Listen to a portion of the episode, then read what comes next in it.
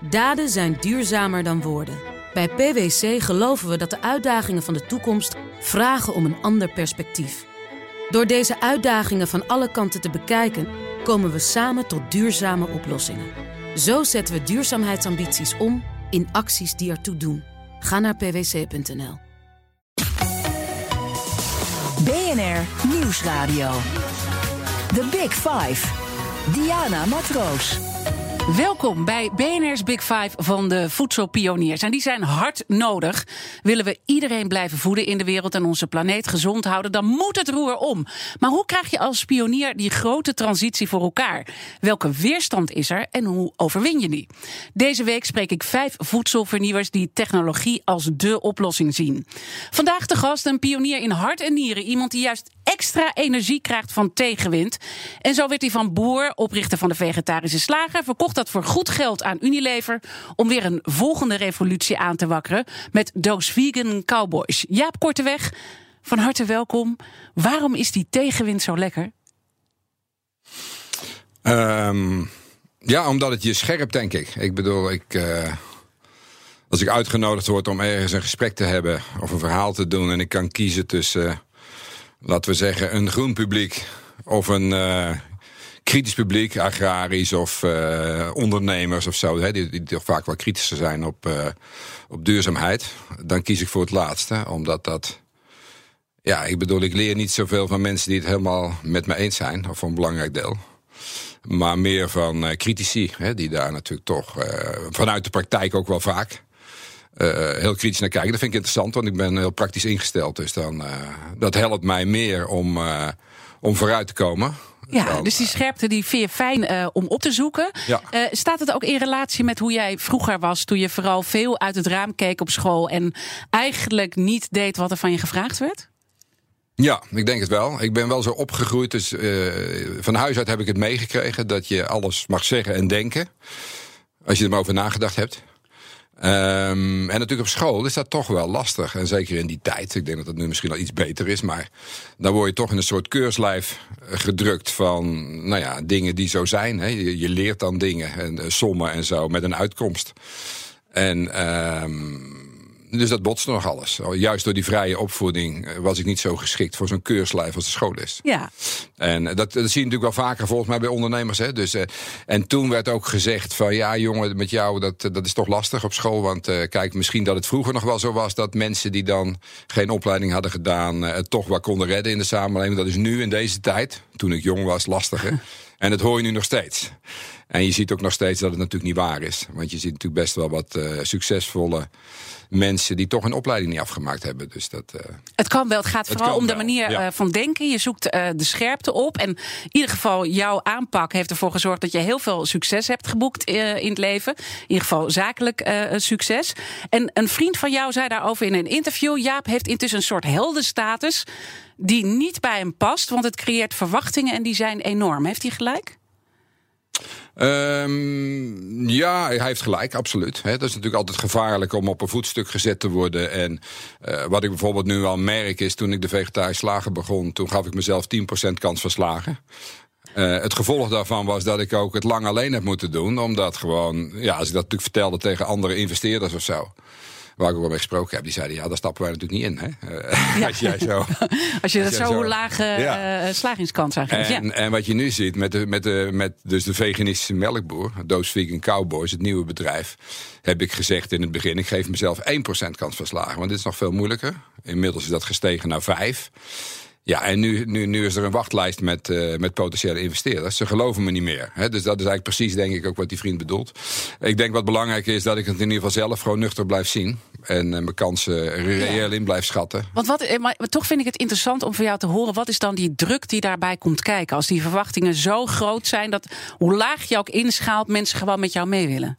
Ja, nou ja, de druk is dat je, nou ja, en op zich is dat natuurlijk heel positief, dat, je, dat er heel veel mensen mij benaderen die vragen of ofwel met hun meedoen, meedenk, of mee willen doen in waar ik mee bezig ben.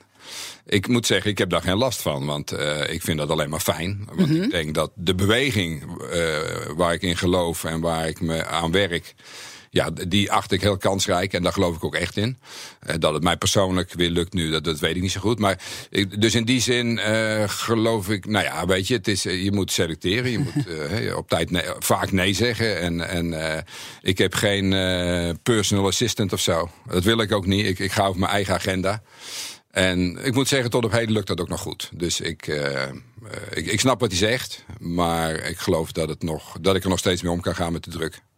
Mooi, gelukkig. Uh, um, misschien toch nog even goed voordat we het over dat uh, nieuwe melk gaan hebben, wat je wil gaan maken. Jouw drive zit heel erg bij de koe bevrijden. En trouwens ook nog wel een aantal andere dieren bevrijden. Toch even nog naar die urgentie. Waarom is dat zo belangrijk dat echt het roer om moet in jouw ogen? Ja, de ethische kant vind ik het belangrijkste. Dat was voor mij echt de drijfveer. Dus uh, ik was daarvoor al wel bezig met duurzaamheid. Hè, met uh, biologische landbouw, duurzame energie, natuurontwikkeling. Maar ja, bij dieren vind ik het echt toch wel, als je daarover doordenkt. Hè, het zijn gewoon hele intelligente, gevoelige wezens. Die we gebruiken als een soort machine. Die we echt gebruiken. Hè. het, het, het, doel van het leven van een varken of van een kip is het product wat hij wordt na zijn leven. En dat, hij moet zo snel mogelijk dat product worden. En zo efficiënt mogelijk dat product. Ja, dat is toch wel. Dat is niet een hele fijne gedachte. En uh, nou ja, ik geloof in deze tijd van uh, uh, nou ja, kennis en technologische ontwikkeling dat het echt heel fijn is als we dat kunnen oplossen. Dat we die dieren niet meer hoeven te gebruiken. Maar speelt ook uh, mee uh, dierziekte? Ik bedoel, we zitten nu in corona. Hè, ook ontstaan met een dier uh, ja. op een, op een markt. Hè. Ja. Nou ja, we moeten allemaal nog achterhalen hoe het echt zit. Maar speelt dat voor jou ook mee? Dat je denkt van dit gaat gewoon niet goed, mensen? Nou ja, dat, dat, dat, dat is. Kijk, de rest helpt er allemaal aan bij. Hè? Dus inderdaad, zoonozen die voor ja, 70, 80 procent altijd een oorzaak vinden in hoe we met dieren omgaan als mensen. Uh, natuurlijk duurzaamheid. Hè, dat als we omschakelen naar plantaardige zuivel en vlees, naar, de nieuwe, naar het nieuwe vlees. Ja, dan hebben we minder dan de helft van het landbouwareaal nodig. Hè. Dus al die natuurgebieden die we vernietigd hebben, die kunnen weer gewoon terug uh, natuur worden, gezondheid. Het zijn allemaal argumenten die meehelpen. Maar echt het belangrijkste voor mij was dus die ethische kant. Hè. En ik denk ook dat het, dat het ons beter maakt. Want het, eh, mensen hebben natuurlijk toch ergens wel een knoop van hun, maag. Van de manier waarop met dieren omgaan. Niemand vindt het fijn wat er gebeurt met die dieren met dat hele korte leven, hè, absoluut geen volledig leven, met die diertransporten, slachthuizen, noem allemaal maar op. En ik denk dat we er, als we dat weten te overwinnen. En, en we kunnen dieren weer meer ruimte geven op deze wereld. Dat, dat ook onszelf. Ja, dat iedereen en dat dat onszelf ook beter. Maar het is nog een hele lange weg natuurlijk. En laten we dan uh, vooral even over dat melk gaan praten waar je nu mee bezig bent. Ja. Met Those Vegan Cowboys. Uh, zonder dat er maar ook één koe aan te pas komt. Ga je van uh, gras melk maken. Hoeveel mensen hebben tegen jou gezegd: Ja, vergeten, dit gaat hem niet worden? Um, ja, gut. Uh, ik, ik, moet wel zeggen, de mensen waar ik mee praat zijn vaak ook bekenden en zo. Dus ja, goed, die, denken, die hebben er ook natuurlijk ook niet echt zelf ook niet echt verstand van. Dus die denken, nou ja, het zal wel weer. Het zal, het zal wel weer gelijk hebben. Ja. Maar goed, ik, ik heb natuurlijk in het begin met name deskundigen uh, gezocht. Wetenschappers, echte zuiveldeskundigen, uh, zuivelprofessoren, Wageningers. En die zeiden aanvankelijk ook van ja, nee, dit is toch heel moeilijk. Uh, dit, of dit, dit moet je niet doen. Van gras. Hè. Je kunt wel een andere grondstof pakken, bijvoorbeeld suiker of mais of zo. Maar goed, uh, ik, ik, hield vast aan dat gras. En toch na enige tijd, na wat uh, sessies, zeiden ze ja, het kan wel. Het kan wel, denken we. Er vielen, er vielen wat dingen op zijn plek. Ja. En, um, en, en, en de, de conclusie is het, het is zelfs efficiënter en, en duurzamer dan op basis van suiker. Alleen het is moeilijker, het is een langere weg. Maar als het lukt, dan heb je wel het meest optimale proces. Ja, en toch zijn, want ik heb die hoogleraren ook gezien, waarschijnlijk ja. die jij hebt gesproken hè, van de Universiteit uh, Wageningen. En Eddie Smit, uh, levensmiddelentechnologie aan Wageningen University and Research. Hij is echt de fermentatie-expert van Nederland en daar heeft dit ook uh, allemaal mee te maken. Die zegt de voorwaarde is wel dat de maatschappelijke angst voor gemanipuleerd Frankenstein-voedsel binnen de perken blijft. Want daardoor is het eerder mislukt. Ja, ja, nee, heeft, heeft hij gelijk? Want dat is ook mijn gevoel als ik hoor technologie, hè, want het ja. is echt een medisch-biologische toepassing. Ja, ja. Dan ja. denk ik ook een beetje, ik vind het ook een beetje eng. Ja, ja, ja. Nee, dat begrijp ik. En uh, wat ik zelf probeer is om het te vergelijken. De, de methode die wij nu gebruiken met, met wat mensen gewend zijn. Dus bijvoorbeeld met, uh, met vegetarisch slagen gebruiken wij een extruder om vlees te maken van bonenmeel. Nou, dat vonden mensen eigenlijk, eh, dat vonden ze ook heel eng en technologisch en zo. En als ik dan uitleg, ja, dan gaat in dat machine, dat is gewoon een soort roermachine met temperatuur en druk. Dat meel wordt geroerd met water gemengd. En als dat precies goed afgesteld wordt, ontstaat die vezelstructuur, die vleesstructuur. Maar het is veel simpeler dan bijvoorbeeld kaas maken of wijn maken of brood bakken. En dat zijn dingen waar mensen natuurlijk al eeuwen aan gewend zijn. Maar we zien niet meer hoe ingewikkeld dat is om dat te maken. Nee, want dat, dat kennen we, daar zijn we opgegroeid. En dat deed oma zelfs al. Ja. Dus dat vinden we zelfs ambachtelijke producten. Hè? Kaas en wijn en, en bier. En, dus, um, uh, en wat we nu dus met die melk doen, is ook een soort brouwerij. He, ook uh, bier wordt gemaakt met fermentatie met micro-organismen in ketels. Nou, wij gaan precies hetzelfde doen met melk. En wat er in een koe gebeurt, is eigenlijk ook een soort ja, brouwerij. Dat is, dat is ook een fermentatieproces wat er in die koe gebeurt, in die, in die pens van die koe, in, in, in dat spijsverteringsorgaan. He, dus we proberen het zo uh, toegankelijk mogelijk te maken. En zo leg je het dan uit, waardoor mensen die angst niet hebben. En dan wil ik toch even naar dat lab hè, in Gent, waar dit allemaal uh, plaatsvindt. Uh, hier werd eerder aan de ziekte van pompen gewerkt door medisch technologen. Ja. En dat, dat maakt het dan toch anders dan dat eerdere verhaal. wat je hebt verteld over de vegetarische slager. Dus help mij waarom dat dan toch. Met welke grenzen werk je zelf daarin? Mm, nou, ik heb niet per se een grens, geloof ik. Hè? Dus uh, genetische uh, modificatie, manipulatie, hè, als je het zo wilt noemen, daar ben ik, uh, ben ik voorstander van als dat nuttig is. Um, dat, dat met de ouderwetse veredeling. Kijk, de gewassen die we nu eten, he, die zijn ook allemaal uh, veredeld op een natuurlijke manier, zou je kunnen zeggen. Ja, wat is natuurlijk? Hè? Ik bedoel, ze worden ook geselecteerd door mensen. Hè? Dus in die zin is daar die mens, die, die factor mens is natuurlijk belangrijk. Die, die, die, die selecteert op welke plant ga ik mee door en welke niet. En met die nieuwe technieken van genetica kun je dat sneller doen. En uh, kun je de snelle resultaten boeken. Um, en maar ik je denk, hebt dus geen grens daarin? Ik heb, ik heb geen principiële grens of zo. Nee, nee klopt. En, en, en kan je je voorstellen dat ik dat dan best wel spannend vind dat je dat zegt? Ja, maar goed, dan wil ik horen waarom. Hè? Wat, wat, dan die grens zou moeten zijn. Maar dan kunnen we het erover hebben. Nou ja, kijk, ik, ik, ik heb geen verstand uh, van deze producten. Hè? Dus laat ja. ik dat uh, voor opstellen. Maar we weten natuurlijk alle, allemaal, als je gaat manipuleren met dingen, dat je op een gegeven moment niet meer doorhebt wat, wat, wat is natuurlijk. Mm -hmm. en wat voor effect gaat dat hebben op mijn lichaam op het moment dat ik dat dan neem. Hè? Dus ik ga met de gedachte mee, als we melk kunnen krijgen waar, waar geen dieren meer hoeven te leiden. Fantastisch. Hè? Ja. En ik ben zelf ook wel in die hele vegan transitie. probeer ik zoveel mogelijk mee te komen. Ja. Beetje vallen en opstaan. Ja. Maar zodra alles gemanipuleerd gaat worden. dan krijg ik daar toch een beetje. Hè, dat Frankenstein voedsel. waar mm -hmm. ook die uh, hoogleraar het over heeft. dat gevoel krijg ik dan toch. Mm -hmm. En ik snap het niet hoe het werkt. Mm -hmm. Dus jij moet me dan eigenlijk overtuigen dat ik me geen zorgen hoef te maken. Ja, dat snap ik. Kijk, um, er is wel eens een misvatting over, wat, uh, over natuurlijk. En dat het dan uh, zeg maar geen punt zou zijn. Hè? Ja. Uh, maar goed, we weten natuurlijk allemaal dat er giftige planten in de natuur groeien. Hè? We kunnen maar een beperkt aantal eten. En dat hebben we geleerd. En um, ook met de veredeling, uh, dus ook in de laatste duizenden jaren, zeg maar, met ook die, die, die nieuwe variëteiten die, natuurlijk, die we gemaakt hebben met veredeling.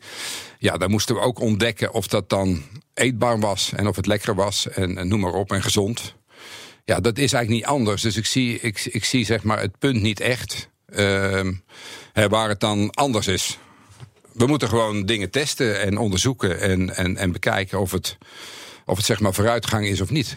Dat, dat is van belang.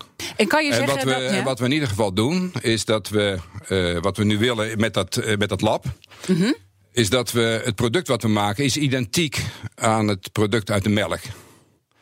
Dus de caseïne die we maken. Ja. Hè, die maken we met behulp van uh, gemanipuleerde, hè, genetisch gemanipuleerde organismen, schimmels. Maar dat eten we niet. We, wat we consumeren is de caseïne exacte caseïne die we ook kennen uit de melk.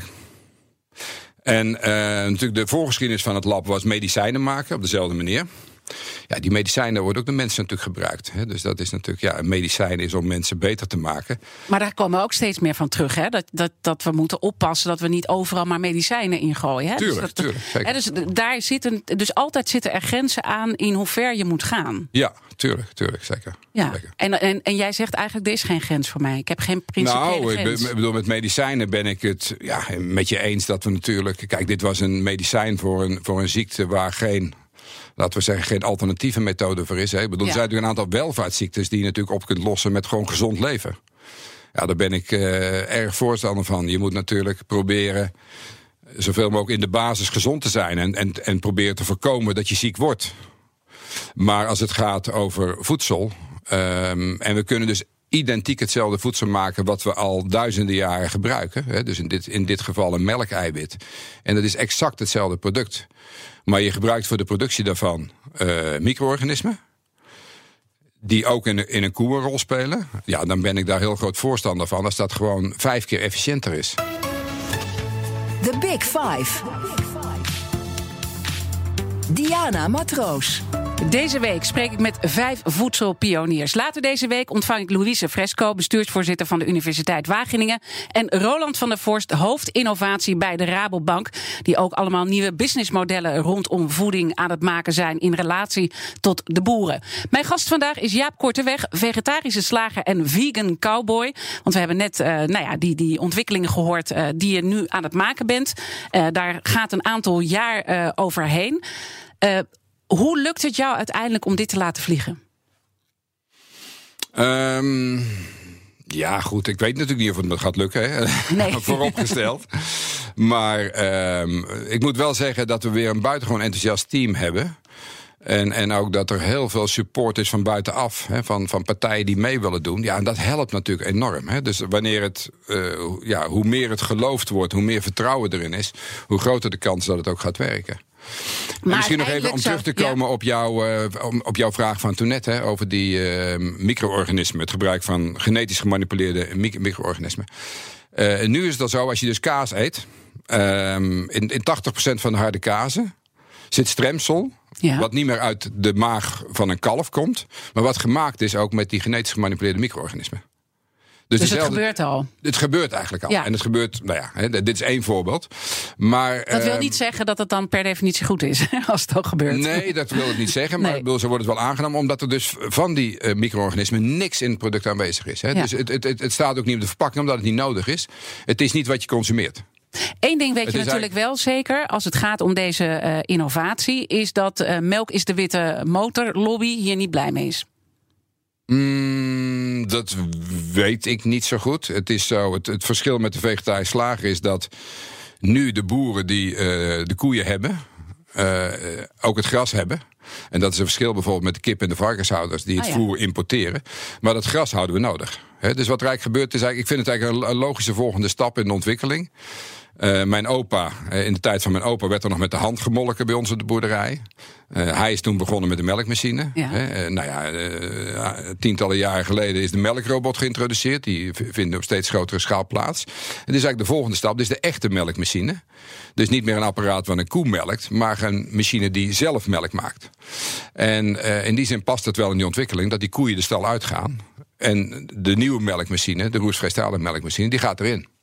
Maar toch, hè, de- je ziet dat boeren die transitie, en dat zie je natuurlijk in de breedte, hè, die moeten een bepaalde transitie eh, door gaan maken. En die zijn niet blij. Ik bedoel, we zien heel veel boerenprotesten eh, natuurlijk. Ja. Heel veel kwaadheid. eh, Ja. echt totaal anders als hoe jij met het vak omgaat. Mhm. Hoe ga je die mensen meekrijgen in deze beweging? Want die moeten dan alles gaan ombouwen op hun boerderij. Eh, daar hebben ze eigenlijk natuurlijk helemaal het- geld niet voor. Of, of dat vraagt ook weer allemaal nieuwe expertises. Ja. Nou ja, door gewoon ook eh, te praten en het uit te leggen. En eh, toevallig, het was natuurlijk van het weekend eh, prachtig schaatsweer. En eh, bij mij achter het huis ligt een, eh, een, een van wat prachtig dichtgevroren was. Dus er waren veel mensen uit de buurt. Ik woon natuurlijk in die, in die landelijke omgeving. Dus er waren ook een aantal melkveehouders die waren aan het schaatsen. Dus daar heb ik nog eh, een, een mooi gesprek mee gehad hè, over, over deze ontwikkelingen. En ja, weet je, dat gaat dan toch prima. Ik bedoel, het is, eh, de- boeren zijn het ook wel gewend dat het continu verandert. En dat het een sector is die, als het gaat over werkgelegenheid, natuurlijk al enorm krimpt. Dat is natuurlijk al 150 jaar aan de gang, sinds, sinds de industriële revolutie. Dus ehm, in de jaren 50 waren er 400.000 boerenbedrijven. En nu nog 40.000. Eh, Dus ik bedoel, zo hard gaat het. Iedere generatie, en dat is al generaties aan de gang, verdwijnt twee derde van de boeren. En is gaat niet dat nieuw. nu weer gebeuren? Dat gaat gewoon door. Ja. Maar los van eh, de ontwikkeling die ik ingezet heb, maar ook gewoon door de schaalvergroting en, en de technologie die beschikbaar is. Dus dat is op zich niet nieuw. Dat is niet eh, nieuw. Eh, en toch zien wij, eh, want dat is dan de publieke opinie, hè, Ja. zien wij die boze boeren. Ja. Ja. Dus hoe, hoe verklaar je dat dan? Want jij praat dan met boeren en die zijn eigenlijk wel oké ermee. het, hè, de- heel relaxed over. En we zien dan Nou, dit, op het, dit, Ja. op het, dit op straat gebeuren. Ja, nee, dat klopt. En, en de grap is dat ik zelf eh 30 jaar geleden een vakbond voor boeren opgerichtte, voor akkerbouwers. Ja. Dat was in de jaren 90. Toen gingen boze akkerbouwers de weg op met trekkers. En toen was ik jonge boer nog. En eh, toen heb ik niet meegedaan met die acties. Maar toen heb ik eh, een plan bedacht hoe we op een andere manier eh, landbouwbeleid zouden kunnen voeren. Dus, ehm, dus het is voor mij niet nieuw. Ik snap de emotie. Maar goed, je moet natuurlijk vooral een, een, een, een blik hebben op de toekomst. En zien hoe het kan. En dat ontbreekt nu een beetje vanuit de landbouw. In die zin dat. Ja, men is boos en men is, eh, ja, hoe moet je het noemen, onzeker over de toekomst. En snap je dat? Ja, dat begrijp ik natuurlijk. Ja. zeker. Maar toch kan jij daar iets anders in doen dan dat zij eh, eh, doen. Dus dit, waar, waar- hoe komt dat dan dat zij dat niet aandurven? Of is het aandurven, is het wat anders, dat zij die transitie niet maken? Ja, ik denk dat het belangrijk is dat vanuit de samenleving ook duidelijk wordt waar we naartoe willen. En dat is volop gaande natuurlijk. Ik bedoel, nou ja, het gesprek waar we het net over hebben, welke kant moeten we op? Dat geldt natuurlijk voor de consument ook, dat hij het nog niet weet. En, ehm, en dat is een onzekere tijd. Dus het is gewoon, ik denk dat het een gegeven is nu, dat het onzeker is. Ik denk ook niet dat dat zal veranderen de komende jaren. Het zal misschien over tien jaar duidelijker worden welke kant het op gaat. Maar dat is een, ja, het is ook een transitieproces in de hoofden van mensen, van de samenleving en ook van boeren. Dus dat gaat samen op. Ja, dus dat is gewoon een gegeven dat, dat, dat hoort bij zo'n periode en moeten we ik niet denk zo moeilijk dat het over doen. inderdaad dat het, dat het eh, laten we zeggen, in brede zin, hè, ook voor de politiek, niet mogelijk is om nu eh, echt te staan voor wat het gaat worden. Kijk, ik heb daar een visie op. Ik denk dat het een bepaalde kant uitgaat. Maar ja, da- daar, is en- iedereen, daar is iedereen nog niet aan toe. En het is ook maar de vraag, of ik, eh, heel veel mensen zullen ook aan twijfelen of ik daar gelijk in heb natuurlijk. Hè. Het is ook, het is voor mij Ja. ook vooral een wens. Ik En, hoop en tegelijkertijd horen we in de maatschappij juist van we hebben juist zoveel perspectief nodig. En nu schets jij precies waar het dus eh, fout gaat. Daar worden mensen boos over. Als ze dat perspectief niet hebben, moeten we niet juist wel dat perspectief krijgen? Dat zouden we moeten krijgen, maar ja, het is mensenwerk. Dat moeten we toch met elkaar ontwikkelen. En daar zitten we wel volop in. En dat doe ik natuurlijk aan mee. Ik doe daar mijn zegje in, ik doe daar mijn dingen in. Maar goed, ik ben ook maar één persoon. En, Ja. en, en er zijn anderen die er anders over denken. En, en, en in, in dat debat zitten we nu over de toekomst van ons voedsel. Wat, welke kant gaat het op? Laten we dan daar straks verder over praten. Mijn gast vandaag in BNR's Big Five van de voedselpioniers is Jaap Korteweg. En hoe gaat hij toch, want hij kan niet alles alleen doen, eh, die grote beweging op gang krijgen en ook bijvoorbeeld het bedrijfsleven daarin meekrijgen, zodat er echt een vegan revolutie ontstaat. En hoe kan het dat de courgette niet vegan is? Want dat vond ik een eye-opener. Dat zometeen allemaal in het tweede deel van BNR's Big Five. BNR Nieuwsradio. The Big Five. Diana Matroos. Welkom bij het tweede halfuur van BNR's Big Five. Fijn dat je luistert. Deze week spreek ik met vijf kopstukken uit de wereld van de voedselpioniers. Mijn gast is Jaap Korteweg, oprichter van de Vegetarische Slager. Laten wij verder praten over die andere belangrijke transitie eh, die we met elkaar doormaken als het gaat om eh, voedsel. Je hebt net ook al geschetst hoe die eh, weerstand bij de boeren zit. Ehm, en dat dat ook een beetje een gegeven is, dat dat gewoon hoort bij transities. Hoe snel denk je dat die voedseltransitie nu gaat? Als je kijkt naar waar we nu in de markt staan en jouw verwachtingen voor de toekomst. Ehm, ja, ik heb daar eh, een jaar of zes geleden een keer iets over gezegd. En dat, dat ligt nog eh, steeds redelijk op koers. Ehm, toen gaf ik aan dat we 15 jaar nodig zouden hebben om met het vlees, hè, met het eh plantaardig vlees, om van anderhalf procent marktaandeel te kunnen groeien naar 20. We zitten nu zo'n beetje op 5, dus dat gaat goed. Nu zes jaar verder. Dus dan zouden we over, over, nu over tien jaar op 20% zitten. En dat is voor mij gewoon een kantelpunt. Dan is nog steeds 80% dierlijk vlees. Maar dan, dan wordt het plantaardig vlees al goedkoper. Omdat in essentie is het goedkoper. Het is duurzamer. Hè? Je hebt veel minder input nodig. Land, water, uh, energie om het te produceren. Uh, en dat geldt eigenlijk voor plantaardige zuivel hetzelfde. Dus, uh, en ik denk dat dat ongeveer wel gelijke tred zou kunnen houden. Dus dat we toch uh, in 2030 dat, dat we dan op een punt zitten. Dat het dan qua prijs vergelijkbaar is. En dat is natuurlijk voor veel mensen ook gewoon belangrijk. Een belangrijk argument. En daarna wordt het goedkoper. Er is natuurlijk veel meer bekend. Producten worden beter. En dat het dan in nog eens 15 jaar, dus laten we zeggen 2040, 2045, dat het dan 80% van de zuivel en het vlees plantaardig zou kunnen zijn. Ja, dus het gaat nu nog even gestaag. Maar op een gegeven moment, als je dus op die 10% zit, uh, of nee, 20%, 20 ja. dan uh, wordt het betaalbaar uh, voor iedereen. Ja. En dan gaat het heel erg snel. Denk jij dat corona heel erg helpt om nu tot een versnelling te komen? Omdat mensen op allerlei gevaren, ook van voedsel, door corona zijn ge gewezen. En er moet nog wel veel duidelijker worden natuurlijk daarom. Ja, natuurlijk. Dit, dit, dit helpt ook. En je hoort nu ook virologen dat bevestigen. Dat toch de manier waarop we met dieren omgaan... is gewoon ook een risico op pandemieën. En op zoonose. En dat is, uh, vaak is dat toch de oorzaak, is de manier waarop we met dieren omgaan. En ja, in die zin is de intensieve veehouderij een kweekvijver voor zoonose. Ook, hè. En, en, en, goed, en, en daar, daar, kun je natuurlijk misschien wat aan proberen te doen. Dan moet je het helemaal potdicht maken, nog potdichter. En, maar goed, dan raakt het nog veel verder af van het romantische idee... wat mensen hebben over het houden van dieren. Hè. Dan wordt het alleen nog maar een slechter verhaal. En, en, en, en ook, een, nou ja, ook een heel industrieel verhaal. En voel je dan persoonlijk ook verantwoordelijk voor dat deze transitie gaat lukken? Ja, zeker. Ja. Ja, ja zo, met die uh, gedachte ben ik, ja, gaat lukken. Ik bedoel, ik kan natuurlijk alleen mijn best doen. Hè? Dus ja. zover reikt mijn verantwoordelijkheid, vind ik zelf, dat ik, dat ik, uh, dat ik mijn best daarvoor kan doen, na, naar mijn vermogen. En dat doe ik ook. En dat is wat ik kan doen. Ik bedoel, ik, ik, ik kan natuurlijk niks garanderen. Nee, nee, want, want daar heb je natuurlijk wel uh, uiteindelijk het grote bedrijfsleven voor nodig. Dat die ook uh, meegaan in die transitie. En hoe ja. doen we het dan in Nederland, vind je? Mm, ja, toch wel goed hoor. Ik moet zeggen dat we ook met vegetarische slager al, al vrij snel toch wel aandacht kregen van het grote bedrijfsleven. Hè. Bijvoorbeeld de samenwerking met Unox, natuurlijk toch een heel groot vleesmerk in Nederland, die zich al melden een jaar of vier na de oprichting. Uh, en we daar ook mee samen zijn gaan werken. En uh, jaren bezig zijn geweest om samen producten te ontwikkelen. En ook de samenwerking met Mora, dat zegt natuurlijk heel veel. En je ziet het nu wereldwijd gebeuren. Je ziet natuurlijk ook de grote snackketens. Uh, onze samenwerking met Burger King bijvoorbeeld. En dat gaat nu heel de wereld over. Ook in China, in Zuid-Amerika, in, in Singapore, noem maar op. Mexico, hè, overal is nu die, die, de, de, de plantaardige wopper te koop. Ja, en er komen nog meer producten aan. Dit is echt het begin. Maar je ziet hier wel, je ziet, je ziet zich aftekenen wat er gaat gebeuren. Hè. Dit is natuurlijk wel een, een blik op de toekomst. Als, als dat niet uh, zou uh, dat, het feit dat zij dat doen, wil gewoon zeker zeggen dat die markt heel groot gaat worden. Ja. Anders, anders zouden ze het niet doen. Ja, zeker. He, die weerstand is uh, overwonnen. Ja. Misschien meteen mooi om uh, de kettingvraag erbij te pakken. Want onze gasten stellen elkaar vragen. En gisteren was hier Kees Kruidhof van de Live Kindly Collective. En hij was natuurlijk ooit de kroonprins bij Unilever. Zou de opvolger worden van Paul Polman. Maar heeft uiteindelijk toch besloten een andere kant op te gaan. En hij had deze vraag voor jou. Ten eerste wil ik er, uh, vragen aan Jaap. Uh, om hem een keer te ontmoeten. En dus ik wil hem heel graag uitnodigen om in uh, Noordwijk te komen. Of anders uh, kom ik bij hem langs. Um, en ik heb eigenlijk twee grote vragen voor hem. Het eerste, wat was het moment? Waar stond je?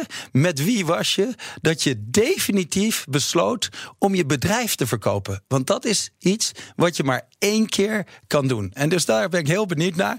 hoe dat er in zijn emotionele proces heeft plaatsgevonden. Dus dat is het eerste aan Jaap.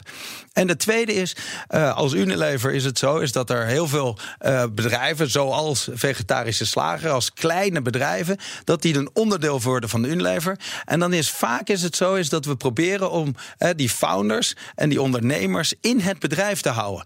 ben Jerry's is daar een goed voorbeeld van, de, de, de, de mhm. oprichters van Puka. En die blijven eigenlijk in dat bedrijf. En Jaap heeft eigenlijk in mijn ogen al heel snel besloten om geen onderdeel van Unilever te blijven blijven. Hoewel die daarmee een hele grote bijdrage zou kunnen leveren. Zowel aan het versnellen van de totale industrie. om naar plantaardig te eh, gaan. eh, als om Unilever daarmee te helpen. Dus ik ben heel benieuwd waarom die eigenlijk niet nog langer eh, in Unilever een onderdeel van deze trend in, in plantaardig alternatieve vlees zou zijn. Nou, had heel veel vragen, maar waarom ben je zo snel weggegaan bij Unilever? Eh, ja, dat was echt mijn, eh, mijn, mijn eigen Bij de wens. vegetarische slager. Ja, ja, dus, dus ehm, laten we zeggen, toen wij in gesprek waren, toen aanvankelijk was het idee van Unilever, of de vraag, dat, dat ik en ook Nico, hè, mijn, eh, mijn compagnon, de kar zouden blijven trekken. En ik heb toen gelijk gezegd, dat is een slecht idee. Daar moet je mij niet voor hebben. Want ik ben een pionier en ik ben, ja, dat vind ik leuk, daar krijg ik energie van. Maar ik ben geen manager. En ehm, hè, dus ik ben in die zin nog wel betrokken dat ik gezicht ben. En, en ook interviews Adviseur, geef. hè? En, en, en misschien ook nog een soort inspirator of zo. Weet je wel, ze hebben een soort opleiding voor mensen wereldwijd die, die met de vegetarische slagen aan de gang gaan, die het verkopen en zo. En als er dan zo'n opleiding is die mensen geïnstrueerd worden, dan, dan lever ik daar een bijdrage in. Eh, ik zit ook nog in het smaakpanel, dus ik bedoel, het is niet zo dat ik helemaal niks meer eh, doe.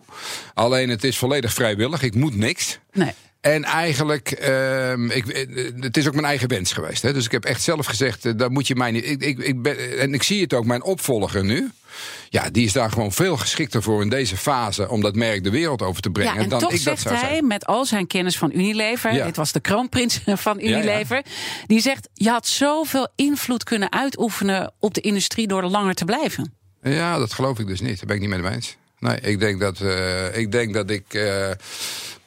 Laten we zeggen, als niet formeel eh, buitenstaander nu, eh, niet meer echt onderdeel zijn, dat, ik, dat mijn invloed eh, minstens zo groot is. Want anders zou ik heel erg opgaan in de baan van de dag, volgens mij. Want om zo'n business te runnen. En nu ben ik weer een vrije vogel. En ik, kan, eh, ik heb tijd om nieuwe dingen te doen. Ik ben nu bezig om melk te maken en zo. Ik, heb, ik, heb, ik zie dat anders. En ga je dit dan nog een keer zo op die manier doen?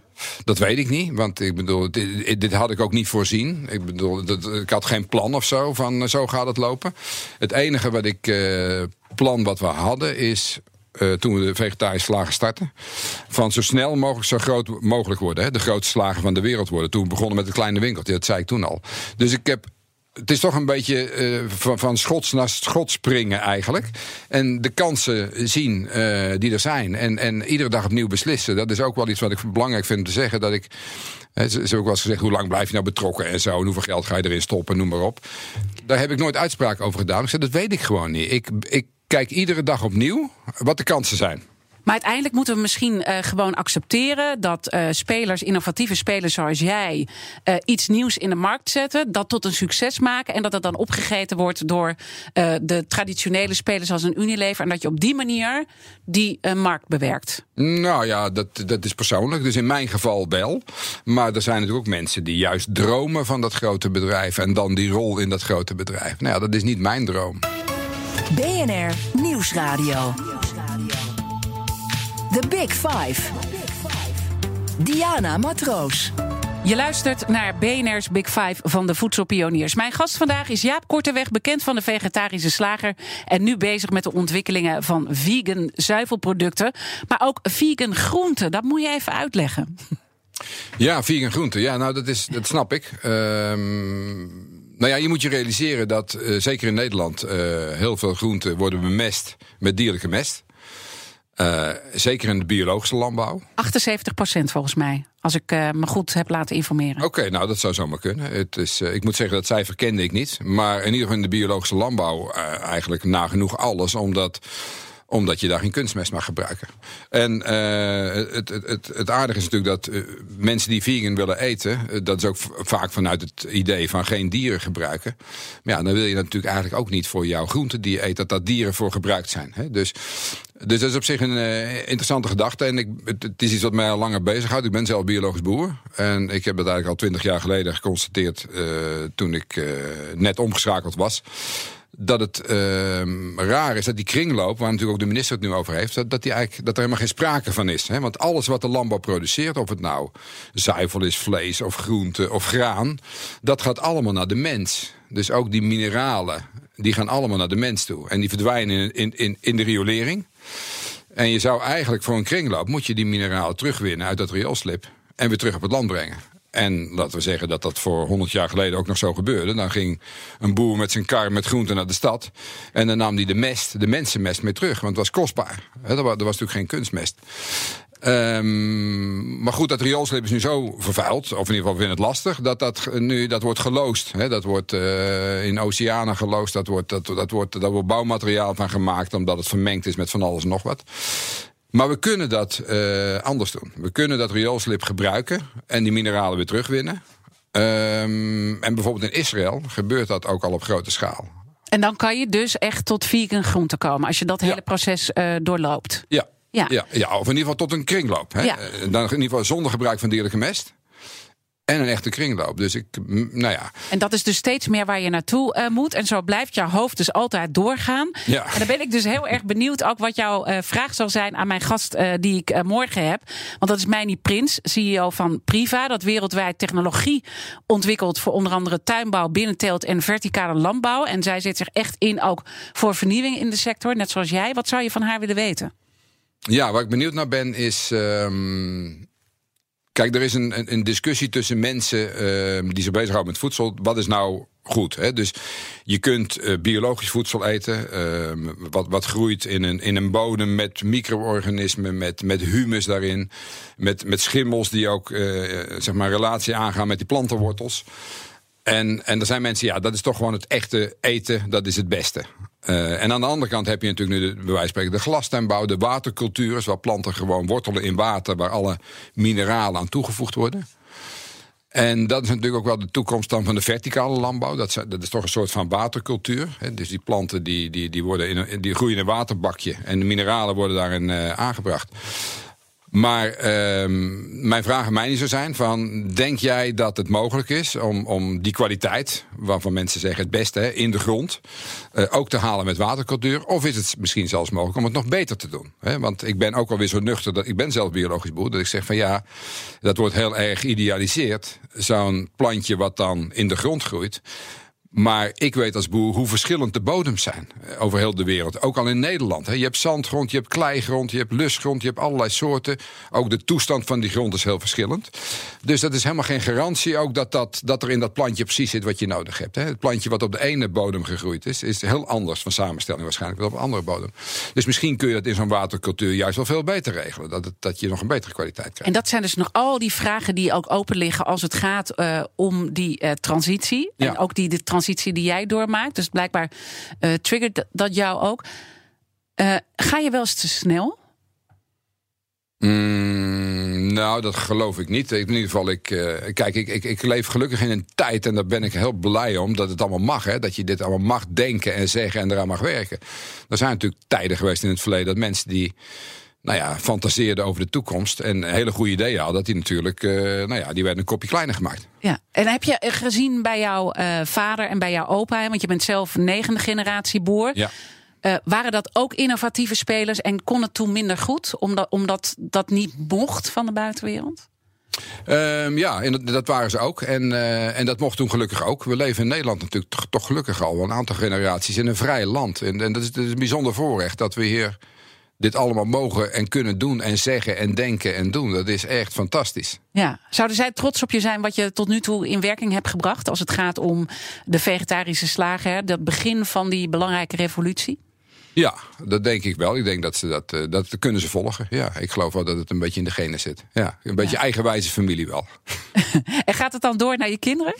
Ik ben benieuwd. Ik ben benieuwd. Ik, uh, ik hoop het eigenlijk wel. Het is, uh, ik vind het fijn en het is, in, nou in die zin is dat, is dat denk ik in, in de breedte. Ik gun dat veel mensen dat ze gewoon vrij zijn in wat ze uh, mogen denken en zo. En nou ja, uh, creatief mogen zijn. En, uh, nou ja, en gelukkig, hè, de, de, het land is in ieder geval goed waar we in leven.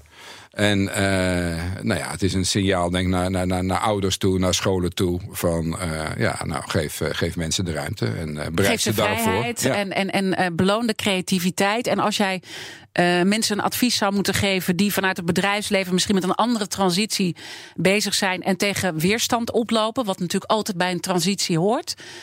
Wat zou jouw advies dan zijn? Nou ja, advies, ik denk dat is een heel mooi voorbeeld. Want adviezen, dat is. Maar, maar kijk naar de autobranche. En nou goed, dat is natuurlijk heel zichtbaar. Tesla nu meer waard dan alle Duitse automerken bij elkaar. Terwijl ze nog maar een fractie zijn van de productie. Um, nou, dat is, ik, ik, ik, ben zo blij dat Tesla het gered heeft. Hè? Want uh, nog anderhalf jaar geleden zaten ze op het randje van ja. de afgrond. Hè, in die productiehel. En zeiden, uh, ze waren afgeschreven eigenlijk door heel veel financiële analisten. Ze gaan gewoon failliet en zo. Ja, ik bedoel, als je ziet wat daar gebeurt. Dus dat is een signaal naar alle spelers in alle sectoren die op de rem trappen. En, en ontwikkelingen waarvan iedereen toch eigenlijk wel ziet. En zeker mensen met kennis van zaken. Die kant moeten we op tegenhouden. Omwille van gevestigde belangen. Hè? Ik bedoel. Dus dat vind ik, dat vind ik heel fijn dat, dat dat voorbeeld er is. Ik denk dat in de, in de vlees en in de zuivel hetzelfde gebeurt. En in de energie. En, uh... en eigenlijk zeg je dus zie het niet als een bedreiging. Want het gaat er toch komen. Ja, kijk gewoon vooruit, alsjeblieft. Kijk vooruit en denk een beetje aan de komende generaties. En, en nou ja, en het gaat veel sneller, eh, als je dat ook ziet. Op dit moment, eh, ik bedoel, ontwikkeling gaat veel sneller dan je misschien denkt. Dus. Uh, beweeg mee. Uh, ja, beweeg mee. ook, ook, ook uiteindelijk voor de toekomst van je bedrijf. En ik denk die lange termijn die vaak gezien werd, die is misschien wel veel minder lang dan, dan tot voor kort gedacht. Hè. Ontwikkelingen gaan echt snel. Ik wil je heel erg uh, danken, Jaap Korteweg van Doos Vegan Cowboys en ook oprichter van de Vegetarische Slager. Alle afleveringen van BNR's Big Five zijn zoals altijd terug te luisteren. Je vindt de podcast in de BNR-app en op bnr.nl. Ik wens iedereen een mooie dag. Daden zijn duurzamer dan woorden. Bij PwC geloven we dat de uitdagingen van de toekomst vragen om een ander perspectief. Door deze uitdagingen van alle kanten te bekijken, komen we samen tot duurzame oplossingen. Zo zetten we duurzaamheidsambities om in acties die ertoe doen. Ga naar pwc.nl.